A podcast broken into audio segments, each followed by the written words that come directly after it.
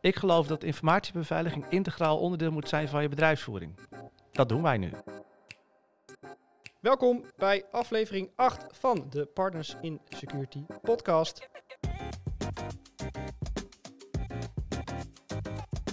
Dave, Goeiedag Wessel. Aflevering 8. Elke keer een stapje dichter bij het einde van het eerste seizoen. we gaan voor de 10.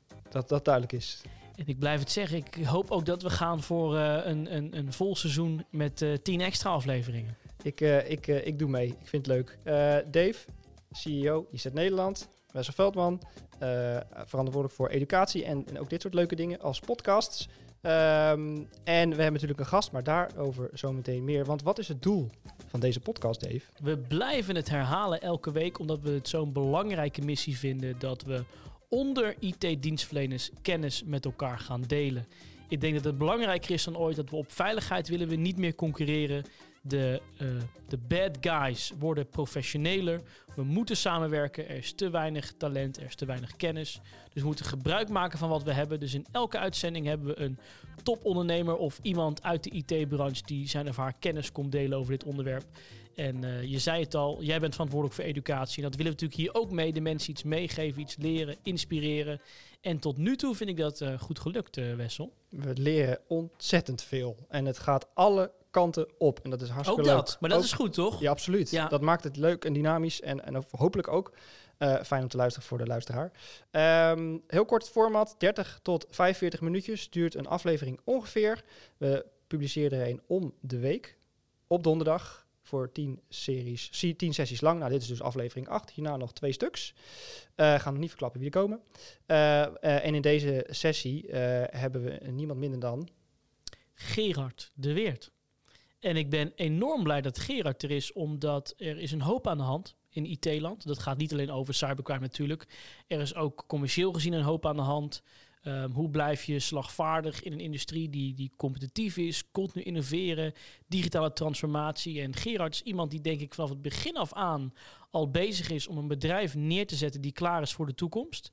Maar waar zij nu mee bezig zijn met de Solimas groep en, eh en, en Interstellar groep daarachter is wel heel erg bijzonder. Dus ik denk voor elke ondernemer of elke IT-dienstverlener die nu luistert, denkt ja, waar gaat het heen met de markt? Waar moet ik aan, eh, aan gaan denken? Gaat dit denk ik een heel waardevol gesprek worden. En we gaan natuurlijk aan Gerard vragen hoe je in zo'n snel groeiende onderneming security, kwaliteit kan gaan borgen en hoe hij verwacht zich daarin te gaan onderscheiden. Dus eh, vragen genoeg voor Gerard, eh, denk ik, Wessel. zeker weten, Gerard, welkom. Dankjewel. Leuk dat je er bent. Ehm, allereerst, eh, niet elke luisteraar zal weten wie je bent. Eh, dus- Bijna elke luister. ja, bijna wel. Maar die ene dan, die ene niet. Zou je even willen vertellen wie je bent, Gerard? En Ja. wat je doet? Ja, nee zeker. Eh, in de eerste instantie eh, erg leuk dat jullie mij in de gelegenheid stellen. En bedankt voor de uitnodiging om eh, in deze podcast eh, een, rol te mogen, eh, een rol te mogen zijn. Eh, ik ben Gerard de Weert inderdaad en woonachtig in Hulshorst, een klein dorpje vlakbij Harderwijk. Klinkt bosrijk. Is bosrijk? Ja, klopt. Ja, ja. En nou, eigenlijk is het wel en bos, maar ook heide eh, en veel meer hè, vlakbij. Dus we, hebben eigenlijk van, eh, we zijn van veel markten thuis daar. Dat is heel gaat nooit meer weg. Ik voel me daar als een eh, vis in het water. Ja. Dus eh, nou, ik woon daar samen met mijn vrouw, waar ik mee getrouwd ben, al bijna 24 jaar. Drie dochters en een schoonzoon. Dus echt, echt fantastisch daar. Dus dat is een stukje achtergrond van mij persoonlijk. Ik heb 20 jaar geleden mijn, mijn passie gevonden in eh, security, in ICT. En eh, heb ja, de afgelopen jaren daar flink wat in ontwikkeld. En dat vind ik ook erg leuk. En daar vind ik informatiebeveiliging sowieso een erg mooi onderdeel daarin. Omdat het niet alleen iets is wat het bedrijfsleven bezighoudt. Of ergens achteraf zou moeten gebeuren, zoals soms met IT nog wel eens wordt gezien. Hè? Maar informatiebeveiliging is iets wat ons allemaal raakt. Hè? We lezen het dagelijks in de krant, de laatste jaren steeds meer.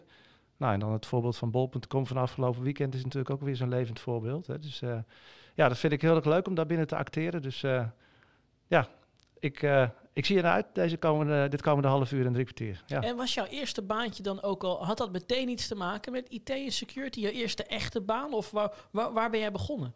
Ja, mijn eerste eh, baan was bij, eh, dat we heette toen nog Borsi Systema, dat werd later ACES.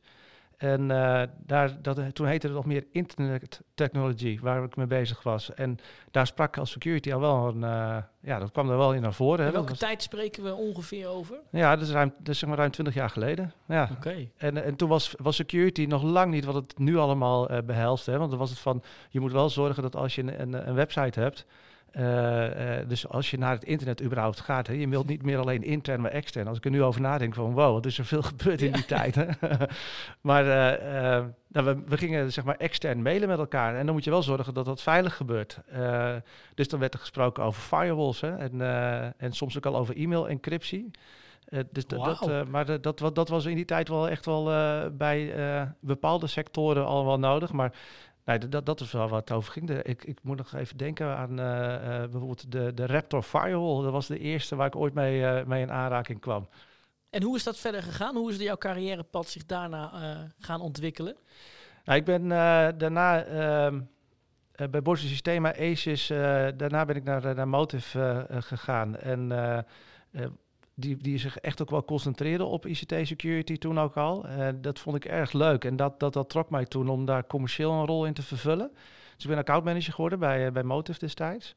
En uh, nou, gingen we echt wel naar die, naar die, in de markt ook verder ons positioneren als een system integrator in die tijd nog veelal. Hè, want de managed services die nodig waren later, die kwamen al wel een beetje, maar het was nog heel vaak we verkopen een product met stuk toegevoegde waarde aan expertise. Hè. Een firewall implementeren, dat duurde toen echt nog wel een week plus. Hè. Dus dat was, uh, was echt een, een expertisegebied die zich ontwikkelde. En uh, uh, ja, daar heb ik in, toen een jaar of drie gezeten. Daarna ben ik bij Aventus gestart.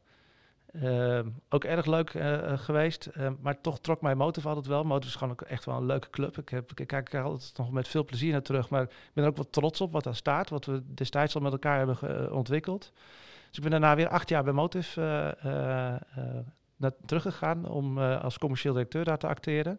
En hebben we daar ook weer verder gebouwd. Dan, ja, inmiddels ben ik er ook weer zeven jaar weg. Maar ja, ja zo kom je gauw op, op de 20 plus, zeg maar. Hè. Maar dat, dat, is een beetje de beweging die ik toen heb gemaakt. En, en daarmee eigenlijk altijd wel heel sterk in die, in die beveiligingssector actief geweest. Ja. Waar, waar, waarom? Wat is dat dan, dat ene van het beveiligingsstukje, het security component, wat je zo uh, interesseert, boeit? Ja, omdat het um, um, breder is. Het raakt uh, zeg maar ons allen. Hè. Het is niet alleen een IT-vraagstuk, maar inmiddels is het gewoon een maatschappelijk vraagstuk. Hè. De uh, informatiebeveiliging, als je kijkt naar um, de traditionele uh, criminaliteit, die doet zich veel minder voor zeg maar, in de vorm. Eigenlijk is de, de nieuwere variant van criminaliteit is veel meer gerelateerd aan cyber. En dat raakt opa en oma, dat raakt iedereen. En, en ik vind dat, dat, uh, dat is aan de ene kant natuurlijk super sneu, want dat willen we niet. Maar om daar met elkaar iets in te kunnen betekenen, dat, dat vind ik wel mooi. Dus je kunt daarmee wel impact maken, zeg maar. En ICT, wat ik net al zei, het is natuurlijk een steeds strategischer onderdeel van ieder bedrijf. Hè? Uh, het is natuurlijk een beetje een oud voorbeeld, maar een ING die jaren geleden al riep...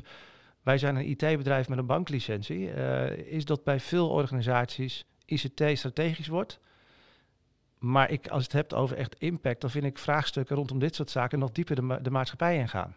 En dat, dat vind ik mooi, want dan kun je iets met elkaar betekenen. Je kunt ergens wat, wat doen om mensen een comfortabel gevoel te geven in het bijvoorbeeld dagelijks werken met hun werkplek.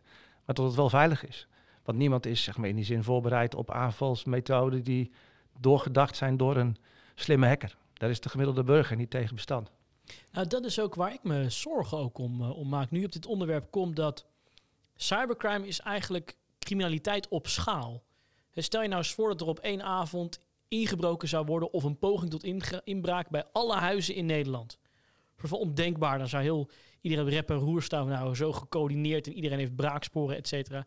En dat is wel de potentie, de kracht van cybercrime, dat door automatisering, schaalbaarheid, ja, kan je op grote schaal een, een, een, een, land, een website, een infrastructuur aanvallen, zoals we gezien hebben in 2017 in WannaCry. Dus wat jij zo mooi omschrijft, het is een maatschappelijk probleem, het gaat om nationale veiligheid.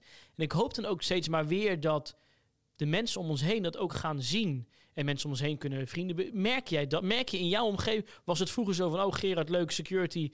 Maar vertel even wat ga je het weekend doen? Merk je nu op verjaardagen dat er meer bewustzijn is bij de, de gewone mensen om je heen? Ja, eh, zeer zeker. Hè? Want je, je kunt ook nu, eh, ook wel door de voorbeelden, hè, die wat, wat spraakmakender zijn geworden dan dat het vroeger allemaal een beetje zoiets was van ja, is dat dan wel technologisch hoogstaand spul? Is het nu iets wat ook gewoon iedereen dagelijks raakt? Van een WhatsAppje van een eh, belastingdienst die fake is, tot een, een berichtje via de e-mail van ik heb jou gezien en ik, je moet wat losgeld betalen als je deze actie niet doet enzovoort. Dat zijn dingen die komt iedereen tegen. En vroeger was het, het is niet bij een organisatie eh, of het gebeurt maar wanneer, maar tegenwoordig is het ook bij eh, iedereen. Eh, het is niet of maar wanneer. Dus ja, de, de gesprekstoffen nemen toe. En dat, dat merk je. Het is, en dat, dat maakt het ook wel weer wat tastbaarder dat mensen begrijpen wat je aan het doen bent, zeg maar. Hè. Dat is, ja, die dialoog die zie je op verjaardagen ook, maar mede door die voorbeelden. En jij hebt natuurlijk bij Motive gezeten en ook best wel veel dingen gezien. Ik denk ook bij wat grotere bedrijven gezien hoe het daar, hoe het daar aan toe is en gaat. Wat, is, eh, wat zijn volgens jou de grootste stappen die we hebben gemaakt in de tijd dat jij nu weg bent? En nu zie je ook echt verbetering in, in het bedrijfsleven algemeen, hoe ze ermee omgaan? Ja, dat is twe- tweeledig. Ik, denk dat het een beetje afhankelijk is van eh, eh, de sector waarbinnen de organisatie actief is. Hè, er is binnen een financiële sector in basis meer draagvlak dan bij wijze van spreken een, ja, een zeg maar, meer industriële organisatie. Ehm, de stappen die we wel zetten, ik, ben- na Motive ben ik ondernemer geworden. Eh, Vond ik het leuk om ook echt iets met een groep van mensen te gaan bouwen. eh, waarbij we gezegd van we moeten ons dan gaan concentreren op meer dan alleen technologie. Eh, daarmee zeg ik niet dat Motive per definitie op zich, op technologie focuste, maar als je het echt over het borgen van informatiebeveiliging binnen je organisatie hebt, als je dat wilt realiseren, dan gaat het over de as van processen, mensen en technologie.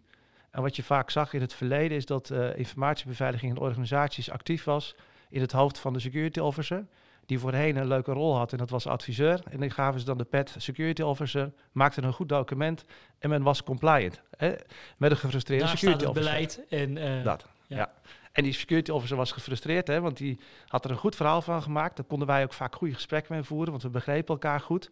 Maar vanuit een commerciële organisatie kon je er weinig aan verkopen, want die had geen budget. Eh, en eh, als eh, eh, draagvlak in een organisatie zag je dat het in de bestuurskamer er niet voldoende was.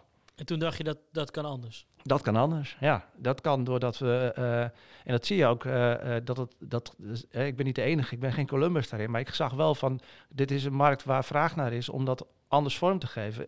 Ik ben ervan overtuigd dat informatiebeveiliging niet alleen vanuit de processen, want dat is ook, moet je ook vooruit kijken, dat het niet alleen een processending wordt, eh, maar ook niet alleen een technologieding, maar die twee zaken moeten heel goed met elkaar in verbinding staan. En ehm, een hacker die heeft tijd. Die heeft tijd om zijn aanval uit te denken en om zijn methode helemaal klaar te zetten. Om iemand die druk is, die bezig is met hele andere zaken, die niet voldoende capaciteiten of kennis heeft. Een gemiddelde burger is niet bezig met za- zaken zoals wij daar dagdagelijks mee bezig zijn. Ehm, om die aanval uit te zetten is eigenlijk heel oneerlijk. Vroeger had je een, eh, een eh, tenminste zo kijken, kanaal, je had vroeger zeg maar defensie en die, en die ging aanvallen en dat wist je wel enigszins van elkaar. Heel traditioneel was het zelfs één op één gevecht. Je kon bij spreken je, je kandidaat pakken die misschien wel ogenschijnlijk minder eh, sterk is dan dat je zelf bent. Maar dat is een hele oneigenlijke strijd geworden, want de aanvaller heeft tijd, die heeft methodes, die heeft onafhankelijkheid, die is plaatsonafhankelijk, is onzichtbaar. En, en ineens ben jij de klos. Nou, dat proces is veel complexer geworden. Eh, en en da- daar moeten organisaties vanuit een heel andere methode naar gaan kijken. Risicoanalyse goed eh, eh, gaan doen vanuit, vanuit je bedrijfsbelang. En dan komt technologie wel een keer aan de orde. Maar moet je wel gaan helpen. Want zonder technologie ga je ook altijd verliezen tegen die factoren die ik net noemde. De snelheid die erin zit, de keuzes die je moet maken, dat ga je niet doen als mens. Daar heb je technologie voor nodig om dat te kunnen ondersteunen, te faciliteren. En hoe ben je toen begonnen? Wat, wat is toen de onderneming geweest? Of welk, wel- ja, met welke missie in gedachten ben je toen begonnen? Ja, dat klinkt een beetje. eh, ehm, we hebben allemaal een beetje dezelfde drive van eh, wij willen een soort van wereldverbeteraar zijn. Hè? Dat, eh, en ik geloof dat heel veel mensen vanuit zeg maar de, de, Dat geloof ik. Dat, dat zie je. Ja, dat klopt. ja, dat, dat, dat zit. eh, als je dat hebt, dan, dan. Want als je dat niet hebt, dan zou je misschien wel beter betaald kunnen worden door die andere sector, die de zwarte pet op heeft. Eh, want die, die kunnen daar heel veel geld mee verdienen. Want jij wil als hacker betaald worden, althans, als jij die wereldverbeteraar Criminele bent. dan, De criminele hacker, Ja, ja. ja, ja, ja, ja, ja. En dus eh, de, de, de criminele hacker kan goed betaald worden door die, door die sector. Veel meer misschien soms dan de commerciële sector. Maar die hebben echt die overtuiging, wij willen samen... En dan kom je ook een beetje op het onderwerp eh, waar we het... eh, eh, samen moet je daar sterk in staan. Dat ga je nooit alleen redden. En ehm, ja, dus hoe ben ik toen begonnen? Is, is dus met, met wereldverbeteraars. Die echt de drive hebben om samen iets te realiseren... om organisaties veiliger te maken. En ben je toen een IT-bedrijf begonnen? Of hoe, wat? Ja, onder de vleugels van Ilionix eh, hebben we een BV opgericht. Eh, via het cellenmodel is dat eh, van- Eckert, eh Eckert Winsen. Hè. Dat is een leuk boekje om te lezen, het Eckert Notes model. Ik geloof daar echt wel in. Ik zeg niet dat ik op alles van hem adopteer. Staat genoteerd. Die Ja. moet ik inderdaad nog steeds op mijn lijst. Ja. Ja, is echt leuk. Maar hij is een beetje uit de jaren 70 BSO opgericht. En niet, niet alles, zo zeg ik van, nou, dan moet je, tenminste, zo kijken naar, ik zou er niet alles van willen adopteren, maar het is wel heel inspirerend. Ehm, zijn we zo op die manier zijn we een business unit gestart, eh, een BV. eh daar was ik aanlouder van. En, eh, en zo zijn we samen vanuit eigenlijk niets, hè, in, een, in een boardroom, met elkaar denken van hoe gaan we dat realiseren. En, en zo zijn we gestart door mensen aan te nemen, door, de, door die missie neer te zetten en mensen aan te laten haken op die missie. Gaaf. En is dat een succes geworden? Of hoe kan je iets over die... ja, ben je, ben je achteraf je terugkijkt blij met de resultaten die je toen gehaald hebt? Ja, ja zeer zeker. We waren, eh, en daar ben ik nog steeds super trots op wat we wisten te bereiken. Ook in een aantal jaren. Want we- ik ben, uiteindelijk is dat vier jaar, eh, eh, hebben we dat vier jaar gedaan. Ik heb Samen met, met Vincent gedaan. Super leuk. Vincent zit nu bij Ordina. En, Vincent Meijer. Vincent Meijer, ja.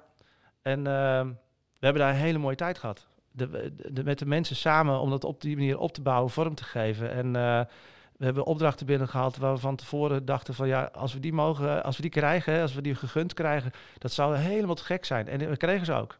En waar lag het dan aan? Als een soort, toch een soort start-up waren jullie? Hoe kan je dan dat soort grote contracten binnenhalen waar vaak toch al wel uit zijn aanvraag een bepaalde richting wordt, wordt opgegeven van, van- ja, met partijen waar ze al lang mee samenwerken? Hoe doe je dat? Eh, ik, ik geloof in eerste instantie dat, eh, eh, dat we in ieder geval met elkaar een gemeenschappelijke missie hadden. Als je aanhaakt op die twee aspecten, dan geloof ik echt in, het, in, het, in, de, in een DNA-match. Als die er is, dan ga je er samen voor. En dan samen bedoel ik ook je opdrachtgever en wij als opdrachtnemer. Als je die verankering goed hebt, dan weet je van oké, ook al gaat er ergens een keer in dat proces iets fout, hè, want samenwerken dat, dat gaat niet altijd 100% vloeiend. Maar dan weet je wel van we hebben hetzelfde doel voor ogen, dus we gaan ervoor. Nou, en dat, dat, dat is iets wat we in onze opdrachten heel veel hebben gezien. Dus als er dan iets gebeurde en er was een incident bij een klant, ja, dan eh we hoefden niet eens te vragen aan collega's: wil je hem dit weekend doorgaan? Dus ze stonden, ja, dat klinkt een beetje. Je maar moest afremmen. bij wijze van, van ga nou ook eens een keer. eh, Ja. Je moet ook rust eh, eh, dat soort dingen. Denk ook aan je vakantiedagen, want die heb je ook nodig. Die heb je niet voor niks. En dat, dat is echt gaaf. Ik, eh, dat is echt heel leuk geweest. Ja. Weet je nog wat de eh, missies... Als het- wa- was er een missiestatement? Weet je nog wat die was? Ja, we hadden daar eh, staan dat we als eh, security professionals echt de, de, eh, de organisaties mee wilden helpen veilig te kunnen acteren binnen het domein waar zij actief waren. Ik heb de 100% missie even nu niet zo Ja. 1, 2, 3 paraat. Maar dat doe we in business more securely eigenlijk. Ja. Waar je ook in zit, Ja. doe het veiliger. Ja. zeg maar. Ja. informatiebeveiliging op alle fronten verankeren in je bedrijfsvoering. En ik hoorde jou als een van, tenminste, ik vind dat we dat nog te weinig horen. En nu begin ik een beetje te zien waarom jij en Vincent, ja, een soort van bloedverwanten zijn, kan ik eigenlijk wel zeggen. Ja. Vincent bij Ordina is ook iemand die heel erg aan, eh, aan het roepen is, jongens, het gaat om de business. Zet de business context nou eens centraal. Dat hoorde ik jou net ook zeggen. Ehm, is, is dat ook iets wat jullie daar ontwikkeld hebben, die visie? ja, wij noemden ons ook Business Information Security. Ja. En d- dat, dat was toen nog niet heel actueel. Eh, Te weinig nu nog steeds, Nog steeds, ik. ja. Ja, maar dat was, wij heten ook zo BIS, Business Information Security. En dat, dat deden we, zo heette het business unit eh, binnen Ilionix. En eh, eh, als wij een traject met een klant gingen bespreken, was het ook altijd van, heb je al van tevoren nagedacht over wat je risico's zijn vanuit de business? En want we kunnen ze wel opleggen vanuit een andere invalshoek, maar als je ze niet koppelt aan jouw business, dan, ja, dan heeft, heeft het de verkeerde waarde. En dan ga je misschien verkeerd investeren. En volgens mij, Wessel, heeft Gerard een opmerkelijke keuze gemaakt toen. En dan wil ik, eh, tenminste, ik vond hem opmerkelijk als ik hem nu, nu niet, als ik er terugkijk.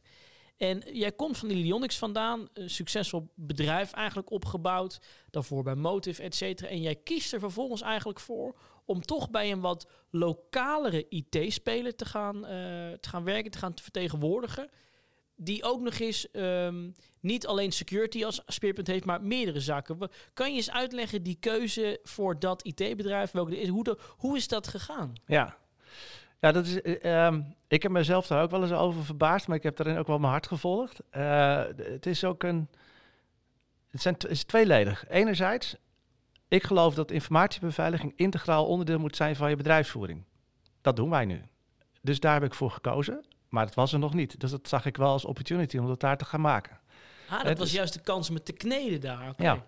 Ehm, aan de andere kant, ehm, kijk, ehm, over de afgelopen jaren heb ik voor mezelf, eh, dat wist ik niet van tevoren, maar blijkbaar vind ik dat heel erg leuk. Vind ik het leuk om te bouwen. Organisaties die er niet zijn of, of ergens staan en naar een volgende fase zijn. wil, ja, dan, weet je, dan ga ik dat heerlijk.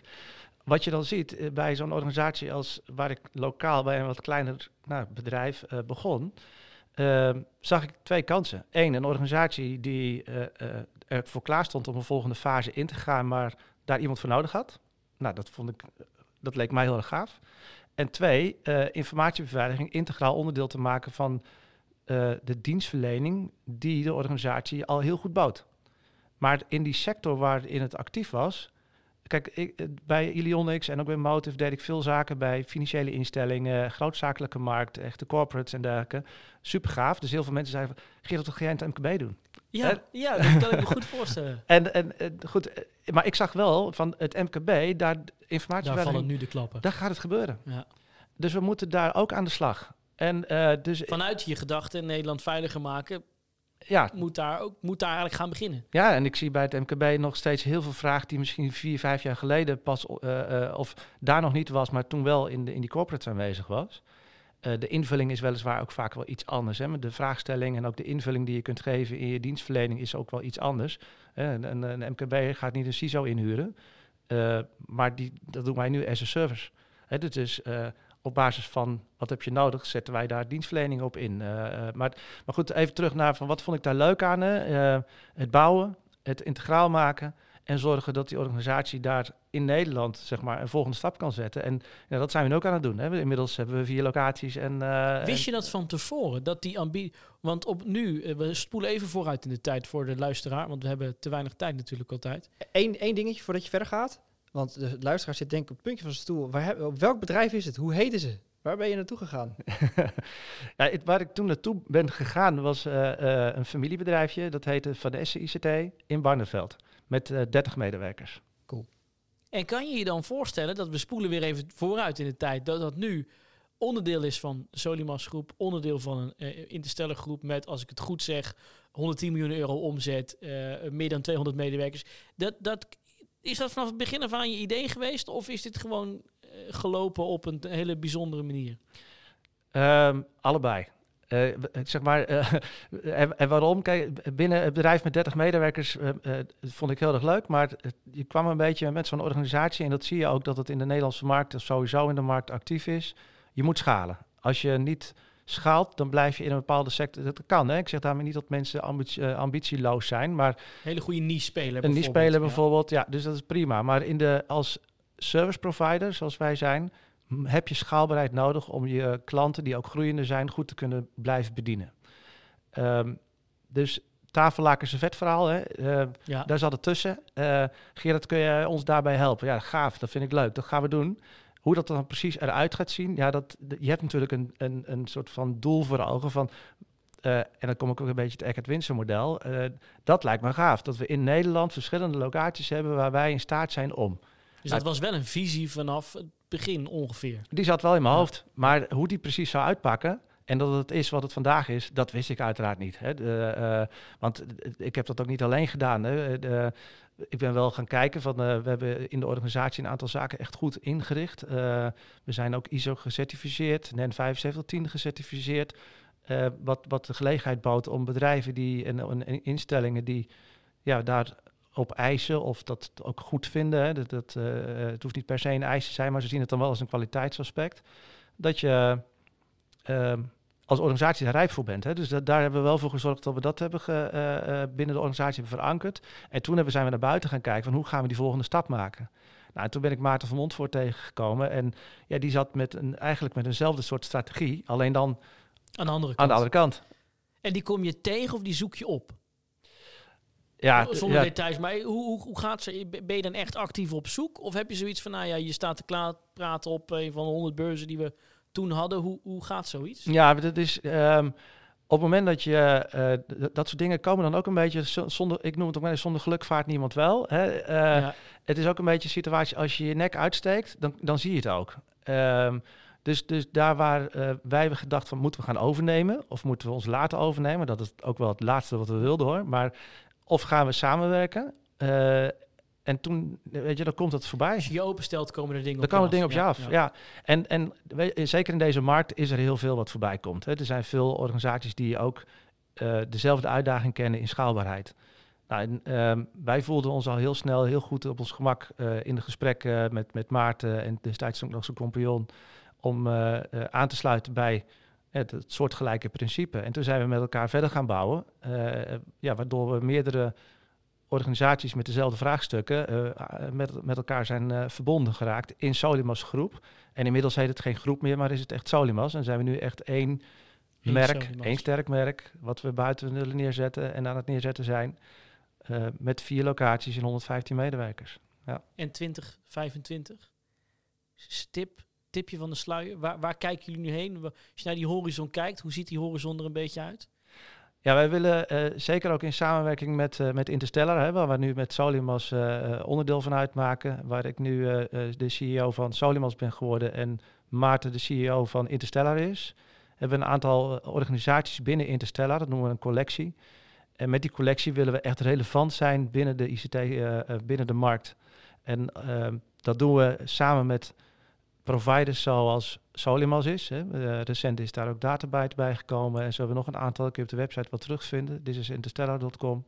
Maar daar zie je eh, verschillende organisaties die aan de ene kant meer zich positioneren als een service provider. Dat noemen wij dan een generalist. En anderzijds de eh, specialist. En dat zie je dat we dat hebben in cloud en in security. En daar werken we mee samen. Want ook daarin, hè, dan kom je op het puntje samenwerken. Dat ga je als service provider ook niet op alle fronten kunnen. Wij moeten, vinden wij, eh, security embedden in onze organisatie tot op een bepaald niveau. Juist. En dat, dat, daar zijn we goed in. Maar een, eh, en dan kijk ik ook met een schuin oog even naar, eh, de, zeg maar naar de traditionele markt. Een regisseur gaat niet met de pet van de agent op straat lopen. Dus wij hebben als... en daarmee wil ik Het niet is een ander specialisme. Het, ja. Allebei is goed, ja. Ja. En, en, maar we kunnen elkaar wel heel goed helpen. Als er nu een incident is waar een technische recherche nodig is, dan gaan we samen met data-expert werken. Dat, dat is niet expertise die je opbouwt in een eh, service provider. Daar zijn wij te breed voor, want wij helpen organisaties over de hele as van digitale transformatie. En informatiebeveiliging is daar een keihard integraal onderdeel van. Dus daarmee is het een super aandachtig onderwerp. Maar wij zijn geen security specialist. En managed services, iedereen heeft het natuurlijk over, eh, ik hou Gartner even aan, waar wij ook natuurlijk naar kijken. Vanwege dat zij zeggen, nou over 50, over in 2025 heeft 50% van alle organisaties een vorm van een detection en response dienst. Eh, hoe kijkt u naar die managed se- security services markt? Ja, die, die is groeiende. Ik, eh, dat is ook nodig, omdat, eh, tenminste, dan praat ik ook wel een beetje uit eigen parochie, maar... Mag een beetje wel. mag wel een beetje, ja. mag. en ik geloof ook echt dat je... kijk, wij leveren ICT as a service. En dat, daar zit eh, informatiebeveiliging bij in. Dus ik vind dat een relatie van ons mag verwachten... dat wij tot op een bepaald niveau weten... als er iets aan de hand is, dat we daar vroegtijdig op anticiperen. Zodat we, voordat hij het misschien zelf ervaart... al eh, actie hebben ondernomen. Nou, dat, dat, dat is het niveau waar ik vind dat moet een service provider goed borgen in zijn dienstverlening. Dus managed security services is absoluut daar een onderdeel van. Eh, totdat het op een specialisatie uitkomt en dan ga je samenwerken. Je zou haast kunnen zeggen dat binnen jullie collectie, ga ik dan goed mee met jullie terminologie? Ja? Eigenlijk zou ik kunnen gaan zeggen dat je een eerste, tweede, derde lijns eigenlijk eh, door in heel jullie keten. eh, je uiteindelijk voor een derde lijns heb je ook weer een, een merk die dat op kan pakken en eerste lijns. Dus de- ja, jullie bouwen eigenlijk gewoon een heel gezond ecosysteem, maar wel met focus binnen jullie eigen vakgebied. Leg ik het dan zo goed uit? ja, dit leg je heel goed uit. Ja, absoluut. Dat is precies wat we aan het bouwen zijn. En daarmee zijn we de meest relevante dienstverlener van Nederland. En zijn jullie al klaar Nee, nee, nee. Gaat dat was net beginnen? Eh, we zijn inderdaad net begonnen. Eh, eh, niet helemaal, maar in de, in de, laat ik zeggen, in de publiciteit wel. Uh, het kent natuurlijk wel een stukje geschiedenis qua ontwikkeling. Ehm, want er zit enorm veel ervaring, maar Interstellar is dit jaar pas een feit. En dan nog één, één vraag. .com, betekent dat ook buiten Nederland? ik sluit dat zeker niet uit. Ik kan het ontkennen nog bevestigen. Ja, oké, okay, interessant, dankjewel.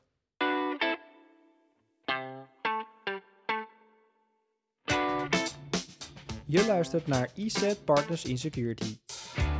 De podcast voor IT-dienstverleners waarin we kennis, praktische inzichten en inspiratie met elkaar delen op het gebied van IT en security in het bijzonder. Door kennis en ervaringen met elkaar te delen, hopen we de kwaliteit van de IT-security dienstverlening te helpen verhogen. 10 afleveringen lang vind je elke twee weken op donderdag een nieuwe aflevering. Te beluisteren via Spotify, Apple Podcast en iset.nl/slash podcast. En als het eerste seizoen naar meer smaakt, plakken we er zo een tweede aan. Wil je bij ons aanschuiven? Tik ons gerust aan via LinkedIn. Wessel Veldman, Dave Maasland, EZ Partners in Security. Kiezen uit twee kwaden. Het is weer zover, Dave. Het is simpel, maar ook ontzettend lastig. Twee verschrikkelijke scenario's, Gerard. Ze zijn allebei kloten. Je wil het niet, je krijgt ze toch op je bordje. En we willen van jou horen, en we willen vooral dat je ons meeneemt in je gedachteproces. Welke van de twee scenario's is het minst slecht en waarom? Ben je er klaar voor? Ik uh, ben benieuwd. Kom maar op. Let op, een klant stelt jou aansprakelijk voor een security incident. En het wordt een slepende zaak met serieuze imagoschade. Of je nou gelijk of niet gelijk hebt, want het blijft een zaak. Verschrikkelijk, willen we niet, maar is wel aan het gebeuren af en toe in de markt. Scenario 2. Je bent slachtoffer van een supply chain attack. Heel naar voor een service provider die heel veel tools gebruikt. En de impact is nog onduidelijk en je bent een hele lange tijd bezig om te onderzoeken wat er gebeurd is, wat de impact is, hoe ver getroffen, misschien je klanten wel. Ook een nachtmerrie, denk ik, voor elke IT-dienstverlener. Welke van de twee scenario's is het minst slecht? En we willen vooral vragen, begin met waarom. Ja, dus uh, inderdaad, uh, je legt me inderdaad het vuur aan de schijnen, Dave. Dat is, uh, je wil ze geen van beide meemaken. Dat We gaan ook vanuit dat jullie deze twee dingen specifiek niet mee gaan maken. Nee, nee. Al zeg ik, je weet het niet. Dat, en dat maakt het altijd een beetje onheimisch in dit soort situaties. maar in de eerste instantie, al daar waar ik hoor dat het een klant aangaat, dan zeg ik van, die, die, wil ik liever nooit meemaken. Want wij pretenderen juist onze klanten mee te helpen veiliger te kunnen ondernemen. Ehm dus welke is, uh, waar zou ik dan voor kiezen? Dus degene waarvoor het uh, niet de klant raakt. Dus in de supply chain, daar hebben we iets meer tijd. als ik het dan zo mag, mag zeggen. We kunnen daarmee onderzoeken. We gaan ook onderzoeken. En dan kun je, als je dat snel doet, ook de impact zo klein mogelijk houden. En bij die eerste is de impact al, is al geschied. Dus ik, ik kies voor die, die, die, die, die laatste. Vanuit deze achtergrond. Ah, je prikt er een beetje doorheen door te zeggen, nou, bij de eerste is het kwaad al geschiet en kan ik niks meer doen. Klopt. En bij de tweede zeg je nou, misschien valt er nog wel wat te... Uh, ik had eigenlijk verwacht dat je er toch misschien voor de tweede zou of voor de eerste zou gaan, omdat waar ik me voor kan stellen, waar jullie ook echt wakker van liggen als supply chain attack. En we zien het ook wel, helaas ook gebeuren. Ook even een goede boodschap dit voor alle IT-dienstverleners die luisteren. Ja, wij krijgen steeds meer IT-dienstverleners die wij moeten ondersteunen bij een aanval waar zij de supply chain attack zijn. Dus waarbij de IT-dienstverlener wordt geraakt en zo bij de klanten van de IT-dienstverlener. En ik kan me ook voorstellen dat omdat de impact onduidelijk is, dat je misschien wel bang bent dat via jullie allerlei andere klanten geraakt zijn. Dus ik zat toch een beetje in het midden nog welke je verschrikkelijker zou vinden. Ja, nou kijk, je hebt ook gelijk, hè, want als dat scenario zich voordoet, alleen dat deed zich nog niet voor, uh, Heel goed. Dan, uh, dan wordt die wel uh, gevaarlijker dan de eerste. Maar ik heb enorm veel vertrouwen in onze medewerkers. Uh, wij hebben hem al geconstateerd, want dat is onderdeel van het scenario. En op dat moment, uh, en dan kom ik op de golden hour, hè, hoe, hoe, eerder je in staat bent om inzichtelijk te maken waar je risico's zijn, uh, kun je ook ingrijpen. en die, dat ingrijpen moet je heel snel doen. En op het moment dat je in staat bent om, om dat af te sluiten, dan doet het risico zich niet meer voor die jij net schetst. Dus ik blijf bij, mijn, bij de keuze van nummer twee. Mooi. Ja. En dit was een security risico, Wes. Maar je weet, ik probeer toch altijd ook de ondernemer in Gerard. Triggert mij om, om toch ook die kant stiekem een beetje op te gaan. En waar ik aan zat te denken is, uh, stel nou eens Gerard, dat uh, jullie worden overgenomen door een andere grote partij, maakt niet uit wie. En ehm, daar zit een earn-out regeling in. Je mag drie jaar zou je moeten blijven. Maar iedereen loopt weg. Je hele team is weg en je bent daar alleen. En je moet eigenlijk drie jaar lang uitzitten in een organisatie waar niets meer van over is. Scenario 1. Scenario 2 is, jullie nemen een partij over met vol goede moed. En je koopt een bedrijf aan en je doet zo'nzelfde earn-out regeling voor die partij. Maar degene die daar moet blijven, dat is één groot drama. Ehm, het loopt niet, jullie zitten niet op één lijn, er is geen visie. Maar je weet ook, als diegene weggaat, verlies je ook een hoop van de goodwill en van de klanten die eraan vasthangen. Welk scenario als ondernemer is verschrikkelijker? ja, ehm, die eerste is verschrikkelijker. Uh, ik zou het heel erg vinden als mensen afhaken aan de missie, visie, strategie die wij voor ogen hebben om die te realiseren. Dat staat echt vanuit, uh, weet je, dat zit in je. Je wil iets bereiken, je wil dat samen doen. En als dat samen niet meer samen is, vanuit de mensen om je heen, uh, ja, dat zou ik heel erg vinden. Als ik kijk naar het andere scenario, waarom, hè, dat is ook een stukje argumentatie waarom ik voor de, uh, dit antwoord heb. Uh, als er één persoon is waar je een oplossing mee moet zoeken om samen door te gaan, ook al is het dan een zakelijk huwelijk, en dat kan zakelijk gezien uh, heel goed, dan zou ik daarvoor, uh, dat, dat lost beter op. Dan zou ik daarvoor gaan. En ik, daar ben ik ook wel het figuur naar. Om, ik heb wel eens, men heeft me wel eens een keer in een, in een coaching of een assessment wat ik voor mezelf gedaan, er stond erin, Gerard zoekt graag in een niet harmonieuze situatie naar de harmonie. Dus nee, ik, wow. ja. Ja, het is, ik moet soms altijd wel een beetje van uh, uh, kokhalzen haast. Maar bruggen bouwen is wel exact wat jij bent dan. Ja, ik, ik noem dat verbinden. Ja, mooi. ja, ja, mooi. Past ook beter in IT. Ja. En dat, dat, dat zeg maar, dienend leiderschap, dat is echt een opgave aan de ene kant. Maar aan de andere kant zo gaaf om te doen. Is dat altijd al iets geweest wat in jou heeft gezeten, dat dienend leiderschap? Of kom je daar door schade en schande ook een beetje achter?